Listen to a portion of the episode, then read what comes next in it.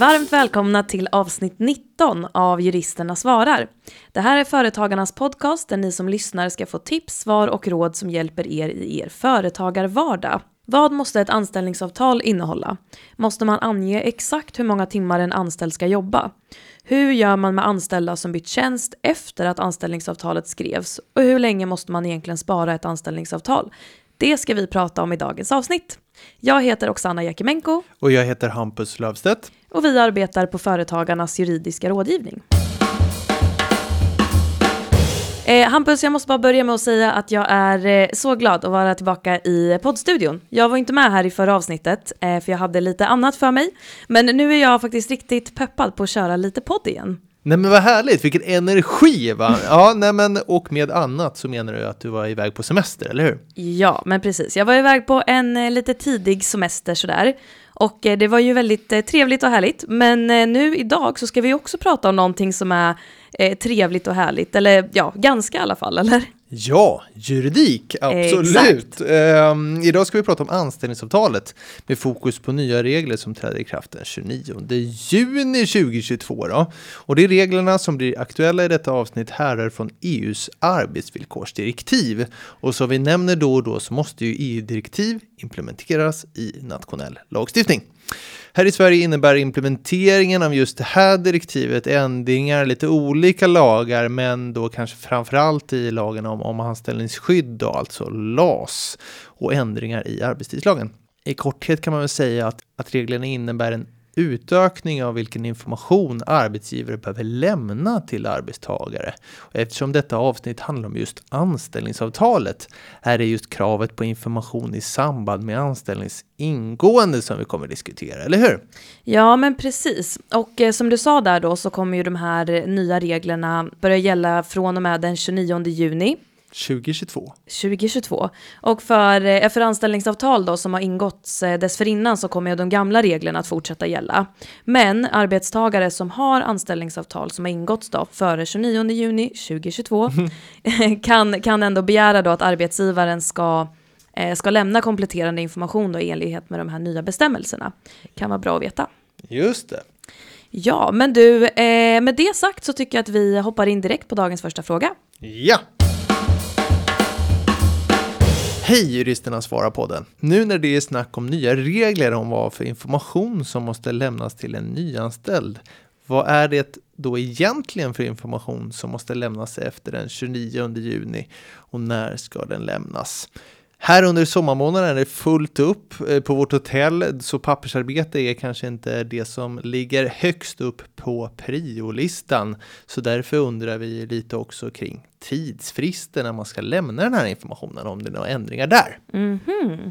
Ja, en jättebra fråga. Och var ska man leta för att hitta svaret på vad lagstiftningen ställer upp för informationskrav om inte just i lagstiftningen. Ja, men precis. För vad vi pratar om här beträffande det krav som arbetsgivare har på att lämna skriftlig information, mm. eller hur? Precis. Till arbetstagare i samband med att de påbörjar en anställning finner vi just i lagen om anställningsskydd, LAS 6C paragrafen. Det finns ju redan en nuvarande lydelse om vad för information som ska lämnas. Så det här är en komplettering kan man säga då. Och det är alltså glimrande att både i Nuvarande lagstiftning, alltså innan 29 juni 2022 och efter 29 juni 2022, alltså mm. den nya lagstiftningen, så finner vi den här information som ska lämnas till arbetstagare i samband med, med anställningsingående, då, eh, om vi, vi kallar det för det, eh, i just 6c-paragrafen i LAS. Perfekt, mycket praktiskt. Eh, eftersom frågeställaren just frågar om de nya reglerna så är det just de jag kommer prata om här. Eh, när jag nämner 6c-paragrafen så kommer jag syfta till det nya regelverket då. Det kan vi säga kanske generellt för avsnittet här framöver att säger vi inte något annat, då menar vi alltså lydelsen efter 29 juni. Ja, jag är enig. Härligt! För det som kan rabbla den gamla lydelsen i 6c-paragrafen i sömnen alltså lydelsen pre-29 juni 2022, så kommer det vara en del upprepningar, men också en del nytt. I den gamla lydelsen radas eh, sex stycken punkter upp, medan den i nya lagstiftningen handlar om 13 punkter.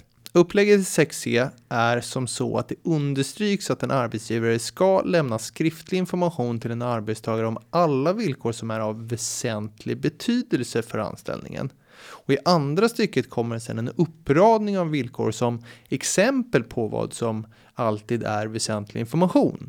Men det är, det är viktigt att komma ihåg här att det är inte en uttömmande lista, uttömmande uppradning av, av väsentliga villkor, utan det är ju som sagt exempel på vad som alltid är väsentlig information kan man säga. Just det, precis. Okej, okay, så att paragrafen 6c den säger dels då att väsentlig information ska lämnas och sen exemplifierar den också då vad som kan vara väsentlig information. Men utöver de exemplen så kan det alltså finnas annat som betraktas som väsentligt just i det enskilda anställningsförhållandet kanske då. Ja, men precis. Som arbetsgivaren måste lämna trots att det inte finns i den här uppradningen. Ja men precis mm. så. Eh, informationen ska åtminstone innehålla eh, så man liksom presenterar den här uppradningen. Bra. Men nu är du nyfiken va? Vad är det då för krav som uppställs? Jag tror faktiskt att det är för en gång skulle så här att vi ska köra lite högläsning. Mm -hmm. Ja, eh, så det är bara att gratulera. 6c-paragrafen, andra stycket alltså. Håll i hatten.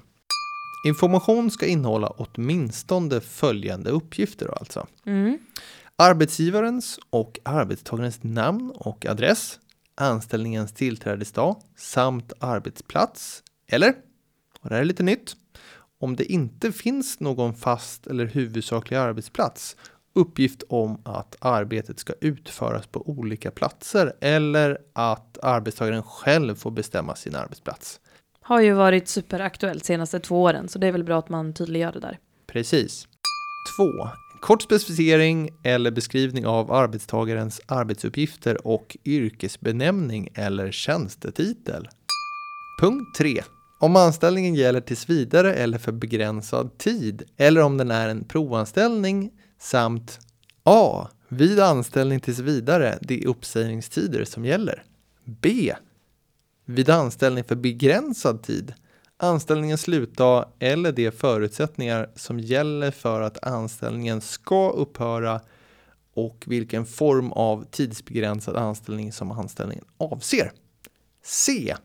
Vid provanställning, prövotidens längd och eventuella villkor för provanställningen. Punkt 4.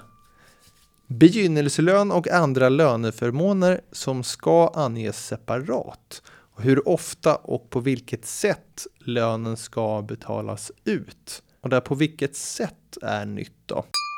Punkt 5. Längden på arbetstagarens normala arbetsdag eller arbetsvecka. Eller om detta inte går att fastställa på grund av hur arbetsgivaren förlägger arbetstiden, uppgift om anställningens arbetstidsmått på annat sätt. Punkt 6. Vad som ska gälla för övertids eller mertidsarbete och ersättning för sådant arbete i förekommande fall. Helt ny punkt. Punkt 7. Minsta tidsfrist för besked om den ordinarie arbetstidens och jourtidens förläggning. Samt i förekommande fall att förläggningen kommer att variera mellan olika klockslag och regler för skiftbyte. Punkt 8. I fråga om arbetstagare som hyrs ut av bemanningsföretag uppgift om kundföretagets namn och adress. Punkt 9. Uppgift om rätt till utbildning som tillhandahålls av arbetsgivare i förekommande fall. Ny. Punkt 10. Längden på arbetstagarens betalda semester står som ny i proppen, men ska ju sägas att den var en del av punkt 5 i 6e tidigare för okay. mm. uppmärksamma lyssnare. Just det. För den som eh, kunde då 6e tidigare. 6E's tidigare lydelse. Punkt 11. De bestämmelser som arbetsgivaren och arbetstagaren ska följa när någon av dem vill avsluta anställningsförhållandet.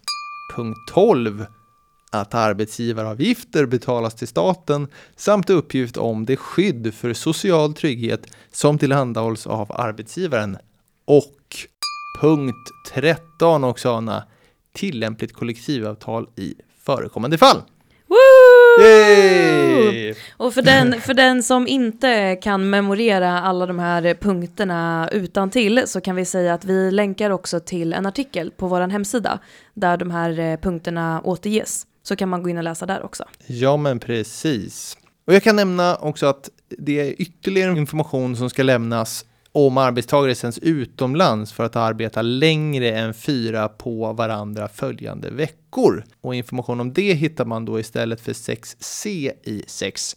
D-paragrafen. Precis. Vissa uppgifter kan lämnas genom hänvisningar till lagar och andra författningar eller kollektivavtal som, som reglerar dessa frågor. Och för att nämna någon typ av sån information som man kan hänvisa till lagar då så kan man ju säga det att till exempel uppsägningstiden vid tillsvidareanställning är sån att man kan hänvisa till LAS regler om, om uppsägningstid.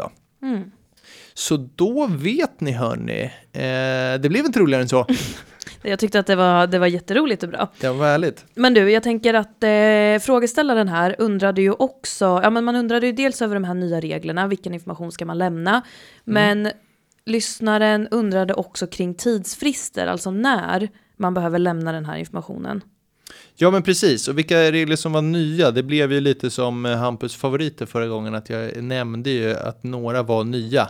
Men, men det ska ju sägas att det var några som jag swishade förbi som också var nya. Ja. Men till eh, frågeställarens fråga beträffande det här med tidsprioritering eh, så är det faktiskt lite olika när man ska lämna information eh, beroende på vilken information man pratar om.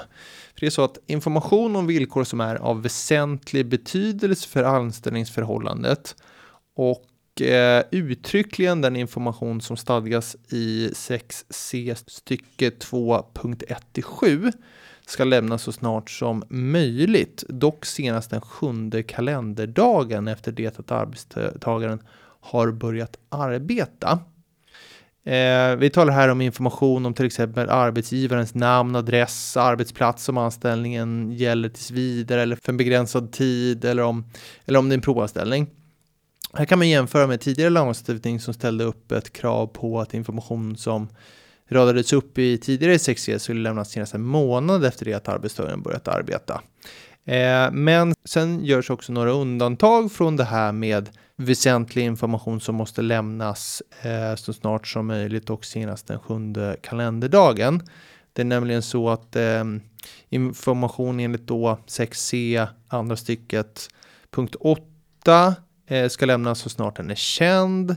Information enligt andra stycket punkt 9 till 13 ska lämnas senast en månad efter det att arbetstagaren har påbörjat sitt arbete. Så det är lite olika beroende eh, vad det är för typ av information. Men, men grund och botten är det väsentlig information ska lämnas så snart som möjligt, senast sju dagar efter att den anställde påbörjat arbetet. Men att viss väsentlig information har undantagits från det här sju då, kan man säga. Mm, och kan också lämnas senare. Precis. Bra, men eh, har vi svarat på fråga ett då? Det tycker jag väl. Det känns så. Man, man kan ju kraven och man kan lyssna igen om man vill. Och man kan också titta i avsnittsbeskrivningen och gå in i länken där till om man vill se Precis. punkterna. Och så kan man ju ha i, i, om man ska ta det säkra för det osäkra, så kan man ha i bakhuvudet att det nu är en regel om sju dagar istället för en månad tidigare då, om Mm. man vill ha huvudregeln i Precis, huvudet. just så. Säger vi så, kan jag tycka att vi tar fråga två. Hej, vi har några anställda i bolaget som har arbetat i flera år hos oss men som saknar anställningsavtal. Det finns också några stycken som har gamla anställningsavtal. Till exempel en kille som anställdes som receptionist för några år sedan men som nu jobbar som projektledare. Hur ska jag göra med de personerna som, som helt saknar anställningsavtal? Och hur ska jag göra med de som har anställningsavtal men som inte längre jobbar med det som står i avtalet? Och hur länge måste vi egentligen spara anställningsavtal? Ja, här kan vi väl börja med att konstatera att eh, ett anställningsavtal behöver ju inte vara skriftligt för att det ska vara giltigt. Eller för att det ska föreligga ett anställningsförhållande för den delen.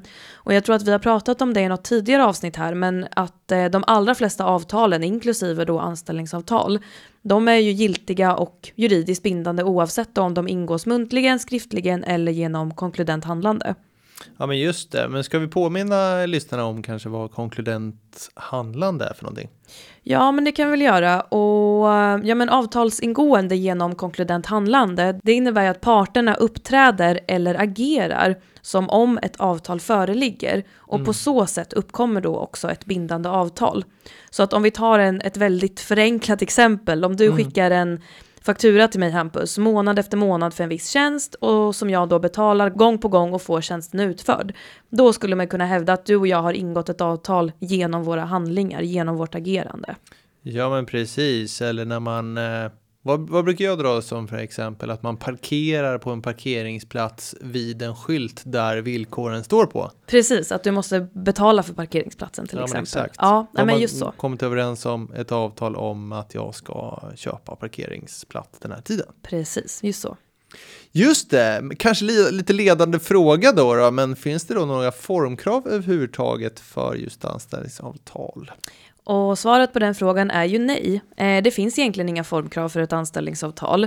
Men en förutsättning för att det överhuvudtaget ska föreligga ett anställningsförhållande mm. och att det här informationslämnandet som du pratade om i förra frågan ska mm. aktualiseras. Det är ju då att någon utför arbete för någon annans räkning och får lön tillbaka då. Just det. Så att för att förtydliga då, det du pratade om i förra frågan, det är ju egentligen inget krav på ett anställningsavtal, utan det är snarare ett krav på skriftlig information som arbetsgivaren ska lämna till arbetstagaren i samband med anställningens ingående eller inom de tidsfristerna då som anges. Ja, precis. Sen är ju förstås det vanliga att man lämnar den här skriftliga informationen på ett avtal som ofta benämns som anställningsavtal eh, och som tecknas då av bäg mm. bägge parter i samband med anställningens ingående. Då. Ja men precis så, inte minst så håller ju vi på nu och uppdatera våra anställningsavtal på vår hemsida så att de motsvarar de nya kraven på skriftlig information kring den här väsentliga information som jag pratade om i, i förra frågan. Mm. Även om det som sagt inte krävs just i anställningsavtalet. Men mm. det, det är ju om inte annat eh, praktiskt att, att då ha det där. Precis. Så, men eh, till lyssnarens frågor då. Om, om vi börjar med frågan här om hur de ska göra med de här personerna som saknar anställningsavtal. Eh, då är det ju som så att bara för att arbetsgivaren inte uppfyller det här informationskraven, eh, alltså att den här väsentliga informationen ska lämnas skriftligen, så kan det ju fortfarande föreligga ett anställningsförhållande. Och avsaknaden av den här skriftliga informationen ändrar ju inte de faktiska omständigheterna. Så de här arbetstagarna som inte har några anställningsavtal, de är ju förstås anställda som vilka som helst. Och här är ju, måste ju vår rekommendation till arbetsgivaren helt enkelt bli att se till att lämna eh, korrekta anställningsavtal. Eh, och med det menar jag då förstås dokument som innehåller den här väsentliga informationen.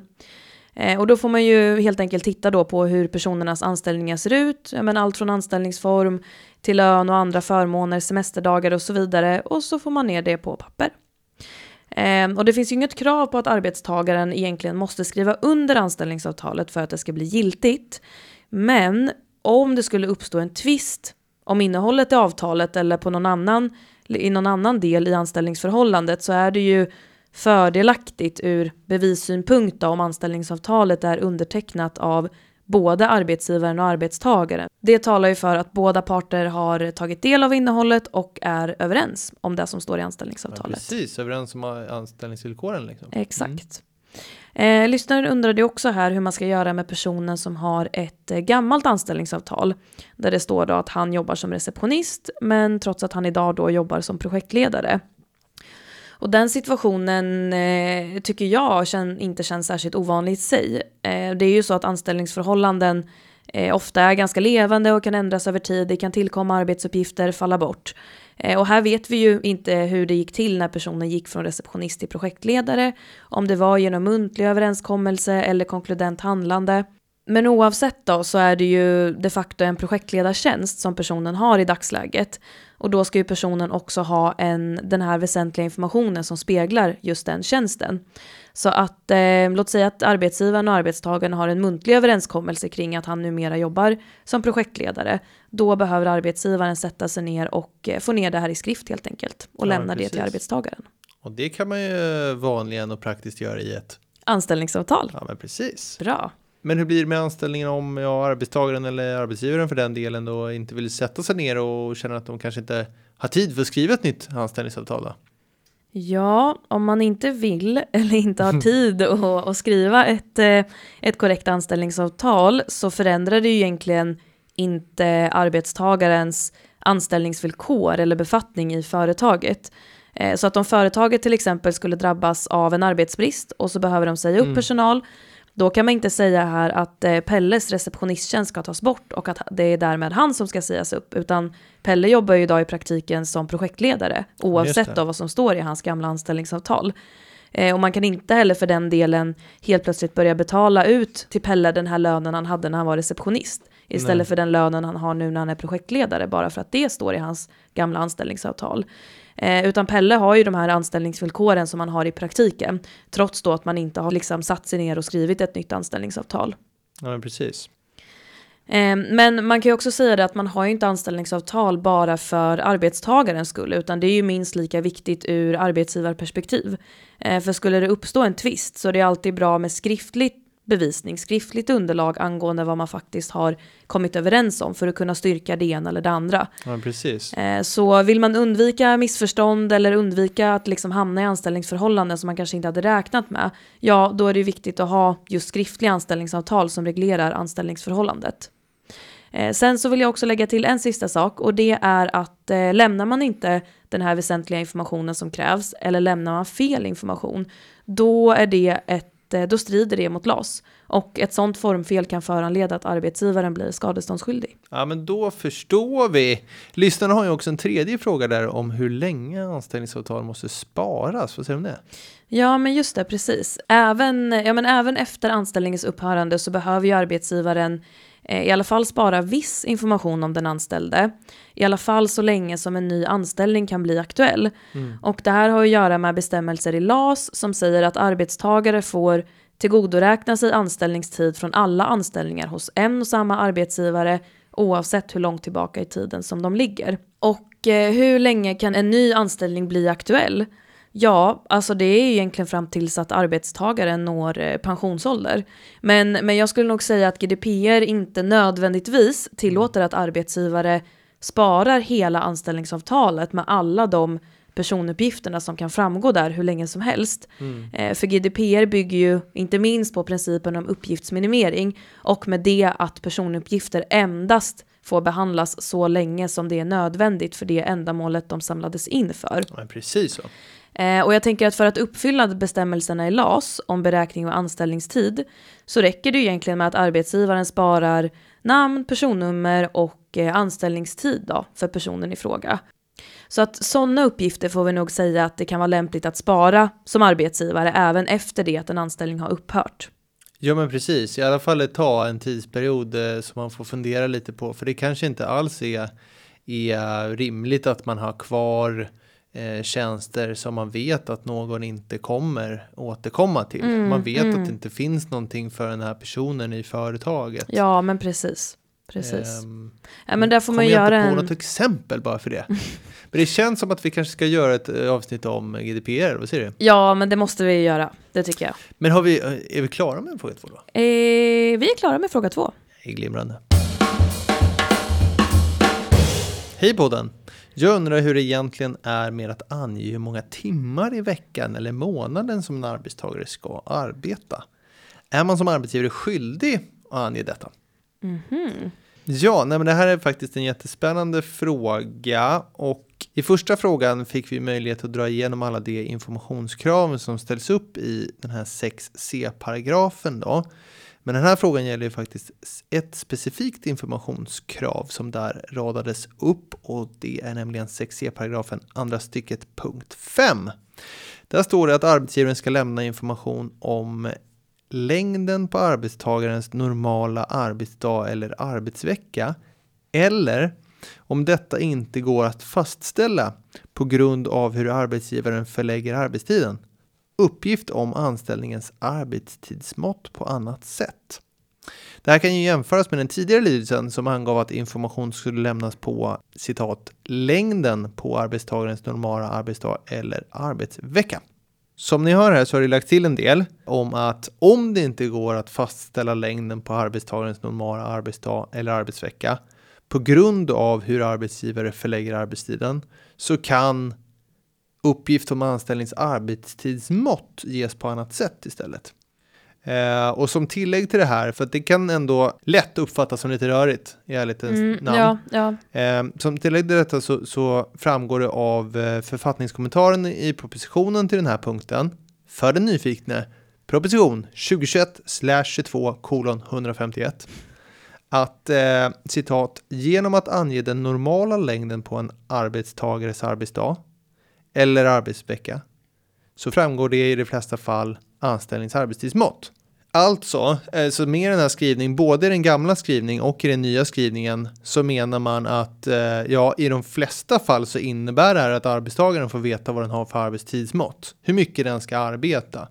Eller hur? Mm, ja, precis. Och inte för att fastna helt i det där definitionsjuridik eller vad man ska kalla det för, men vad är då egentligen det här begreppet arbetstidsmått det pratar om? Mm. Som jag sa, hur mycket man ska arbeta. Mm. Och får man inte en definition? Jo, det får man, nämligen citat. Med arbetstidsmått avses omfattningen av anställningens ordinarie arbetstid och jourtid, men inte övertid eller mertid. Okej. Glasklart. Mm. Så i de flesta fall framgår alltså arbetstidsmåttet, parentes ordinarie arbetstid och jourtid, av att ange längd på normal arbetsdag eller arbetsvecka, men inte alltid. Och här är tillägget i den nya lagstiftningen bra för att om det är så att man har väldigt oregelbunden arbetstid så kanske det inte går att ange en normal arbetsvecka, normal arbetsdag, alltså längden på normal arbetsdag, längden på normal arbetsvecka. Vilket i tidigare lagstiftning var lite otydligt kring då. Vad, vad ska man göra då, då? Om man inte kunde ange det här, vad skulle man ange då? Mm. Eh, och det har man ju tydliggjort här. För kan man då inte ange det så kan man ange det på annat sätt.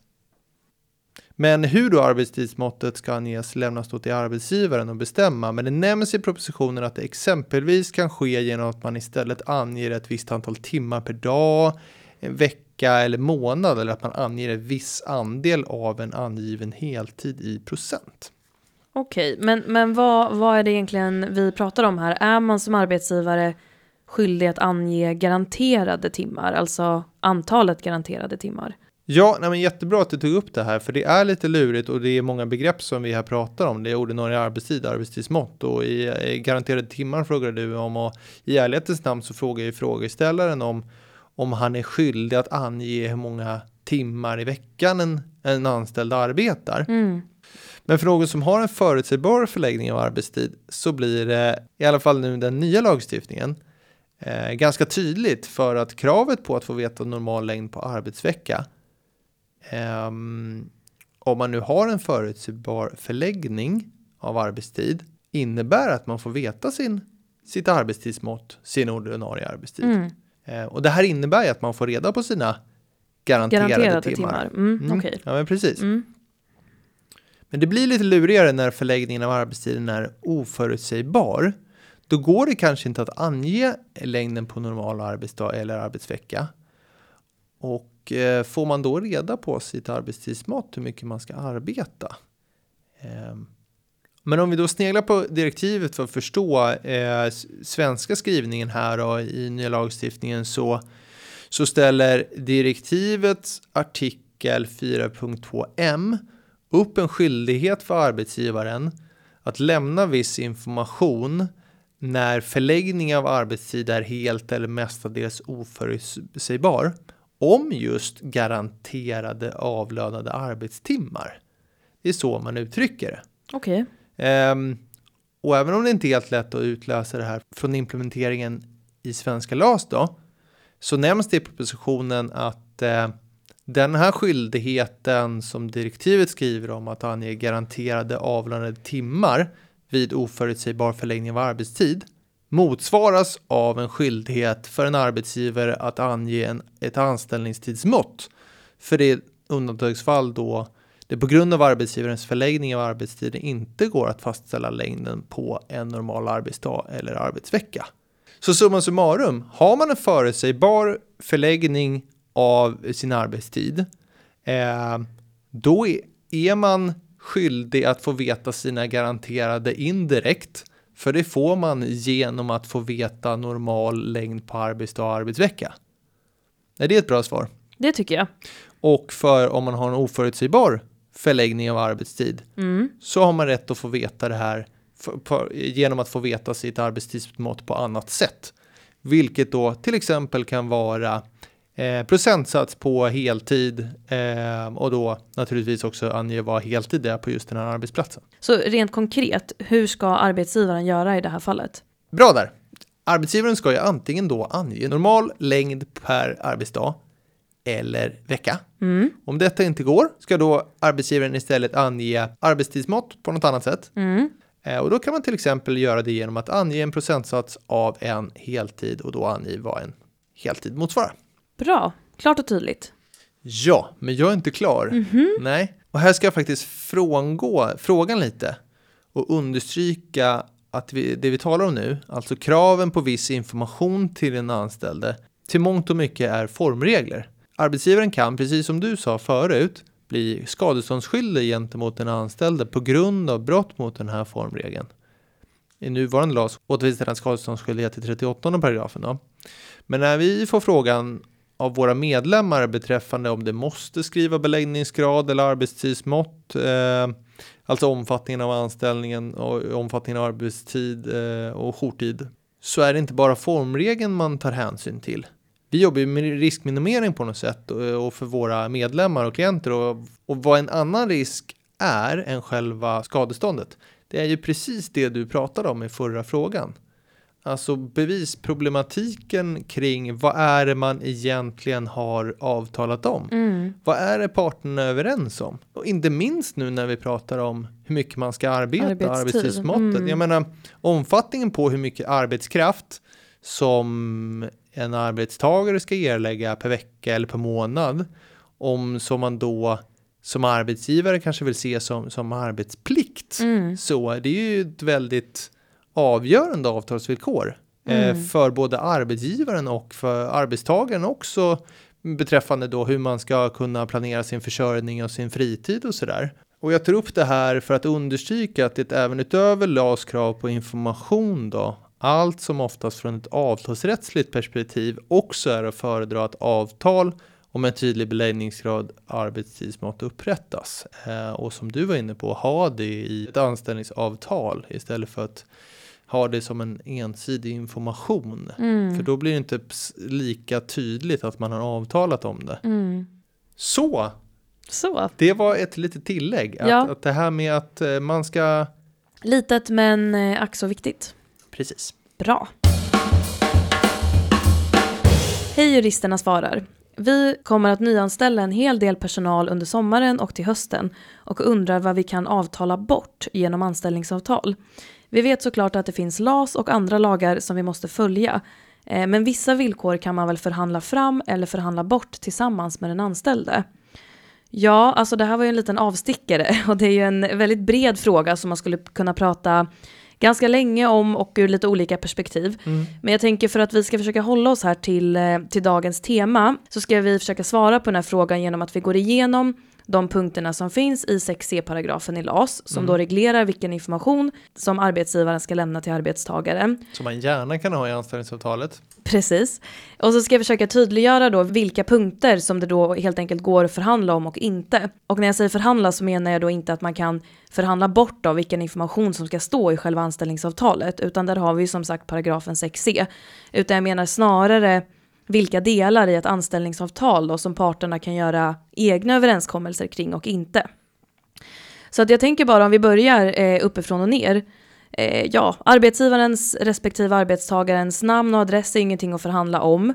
Nej. Arbetsuppgifter, tjänstetitel, anställningsform, ja det är ju förstås förhandlingsbart. Mm. Och när vi pratar om anställningsformer eh, så är det ju upp till arbetsgivaren och arbetstagaren att vid en provanställning till exempel förhandla om hur lång provanställningen ska vara. Mm. Med förbehållet då att en provanställning inte får vara längre än sex månader.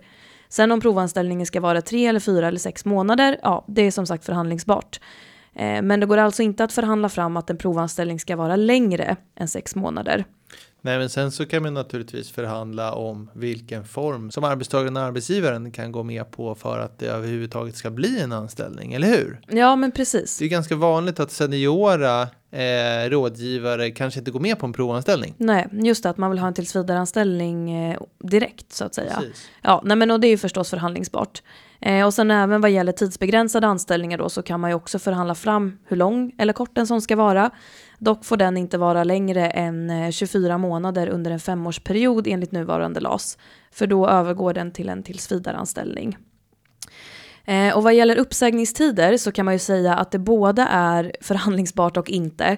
Eh, uppsägningstider regleras ju i LAS och LAS är ju som det heter tvingande lagstiftning till arbetstagarens förmån. Och det innebär att om man avtalar om villkor som ger arbetstagaren ett sämre skydd än de som anges i LAS är ogiltiga. Eh, däremot så får ju parterna såklart avtala om bättre villkor än de som står i LAS. Mm. Och här kan man ge ett exempel då, att enligt LAS så har ju en arbetstagare en månads uppsägningstid vid egen uppsägning. Men här är det ju fritt för parterna att eh, komma överens om att en arbetstagare till exempelvis ska ha tre månaders uppsägningstid. Eh, och när arbetsgivare säger upp arbetstagare så baseras ju uppsägningstidens längd på hur länge arbetstagaren har varit anställd. Så att en person som har varit anställd i mindre än två år har en månads uppsägningstid. En som har varit anställd i två år men kortare än fyra år har två månaders uppsägningstid. Minst fyra år men kortare än sex år, tre månaders uppsägningstid och så vidare. Mm. Eh, och de här reglerna kan man alltså inte förhandla bort till förmån för en kortare uppsägningstid. Däremot får ju då parterna eh, avtala om att det vid arbetsgivarens uppsägning ska gälla en längre uppsägningstid än det som står i LAS. Till exempelvis då att man avtalar om eh, tre månaders uppsägningstid direkt, liksom från första året. Mm. Eh, och in, istället då för att arbetstagaren får tre månaders uppsägningstid när man först har varit anställd i fyra år. Ja men precis, och det där kommer ju från praxis eh, kring hur man har använt sig av avtalslagen och giltighetsreglerna och jämkning på anställningsavtal. Alltså vad är skäliga villkor i anställningsavtal? Mm, eh, och, och, där har man ju eh, varit inne på det här med lika eller längre anses ofta som skäligt. Mm. Men man har också varit inne på parametrar just kring så vad är det för typ av anställning, en anställning som verkligen kan ha, som att det är rimligt att ha sån här längre uppsägningstid. Och om jag inte är helt ute och cyklar, tror jag att det finns något rättsfall på att det är, du vet, det var väldigt kort, man har jobbat väldigt kort, mm. att det mm. då såg som oskäligt. Oskäligt att ha en längre uppsägningstid, ja, jag förstår. Eh, ja, men det är ganska vanligt med den här formuleringen som ömsesidig uppsägningstid på två månader i anställningsavtalet. Men en sådan överenskommelse då gäller då bara så länge det är till förmån till den anställde, det vill säga eh, upp till fyra års anställning, alltså när arbetsgivaren säger upp.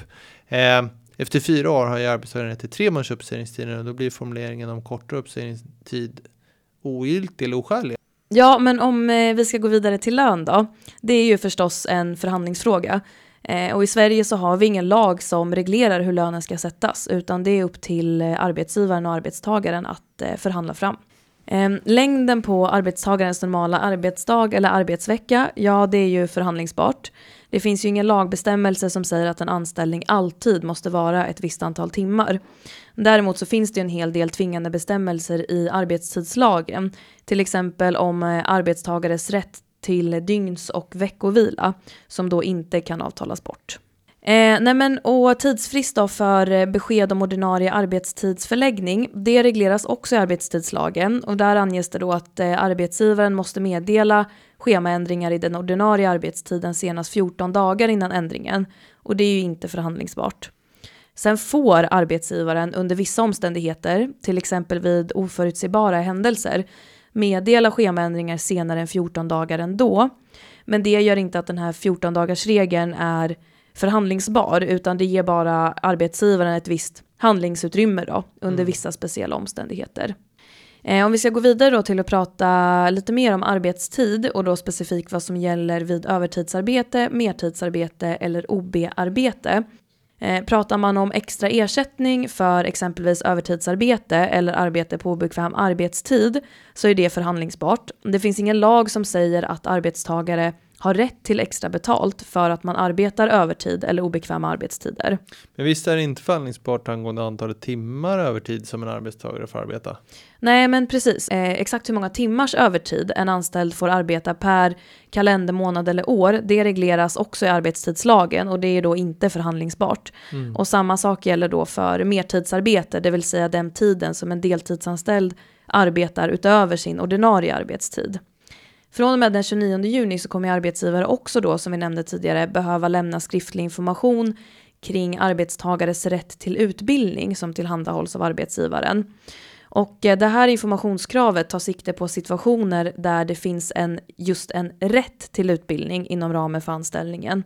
Och inte då en sån typ av utbildning som arbetsgivaren kanske erbjuder löpande liksom, eller ja, vid enskilda tillfällen inom ramen för arbetsledningsrätten. Och det finns ju inget lagkrav på att arbetsgivaren måste erbjuda en rätt till utbildning. Eh, så det är ju helt enkelt förhandlingsbart. Vidare då vad gäller informationen om tillvägagångssätt inför att en anställning ska upphöra så är ju det förstås inte förhandlingsbart. Det är ju till exempelvis LAS och lagen om eh, medbestämmande i arbetslivet eh, som reglerar den processen och den är ju tvingande. Arbetstagaren kan inte avtala bort att man måste ha saklig grund för uppsägning. Nej, eh. eller avtala bort om att, eh, att eh, arbetsgivaren inte behöver förhandla med facket innan uppsägning sker. Längden på arbetstagarens semesterdagar, ja men det är ju delvis förhandlingsbart. Semesterlagen är lite lik LAS på det sättet att det är tvingande lagstiftning till arbetstagarens förmån, vilket gör då att eh, arbetsgivaren och arbetstagaren får avtala om att arbetstagaren till exempelvis ska ha fler eh, semesterdagar än 25, men inte färre. Ehm, den näst sista punkten ha, i 6c, den, eh, den rör ju information om att arbetsgivaren betalar arbetsgivaravgifter till staten och att arbetstagaren omfattas av det sociala skyddet och det är ju ingenting som arbetsgivare och arbetstagare kan för, eh, förhandla bort. Eh, och den sista punkten i eh, 6c-paragrafen, den, eh, den uppställer ju ett krav på att arbetsgivaren ska lämna skriftlig information om det finns kollektivavtal på arbetsplatsen. Men det finns ju inget lagkrav på att arbetsgivare måste ha kollektivavtal, så på det sättet är det ju en förhandlingsbar punkt. sen är det ju inte nödvändigtvis förhandlingsbart mellan den enskilda arbetstagaren och arbetsgivaren, utan snarare kanske mellan en grupp arbetstagare, facket och arbetsgivaren. Men ja, det finns alltså inget lagkrav på att ha kollektivavtal. Tackar, tackar. Det var en eh, ordentlig genomgång det här. Mm, ja, men visst. Och egentligen skulle man kunna ta upp ännu fler saker här. Till exempel kan man ju förhandla fram att det i anställningsavtalet ska finnas konkurrensklausuler, sekretessklausuler, bestämmelser om bilförmån, pensionsförmån och massa mer. Men det tänker jag att vi sparar till ett senare avsnitt kanske. Ja men precis, någon form av specialklausulsavsnitt. Exakt, ja, ja men något sånt. Precis. Och som medlem i Företagarna kan du utan kostnad ringa till oss och våra kollegor på den juridiska rådgivningen och få personlig hjälp. Du når oss på telefon 0771 45 45 45. På företagarna.se kan du läsa mer i vår arbetsgivarhandbok och ladda ner mallar för anställningsavtal. Klippningen är gjord av Petra Chu och underlaget av David Hagen. Vi, vi hörs igen om två veckor. Tack för att ni har lyssnat. Hej då! Hej då!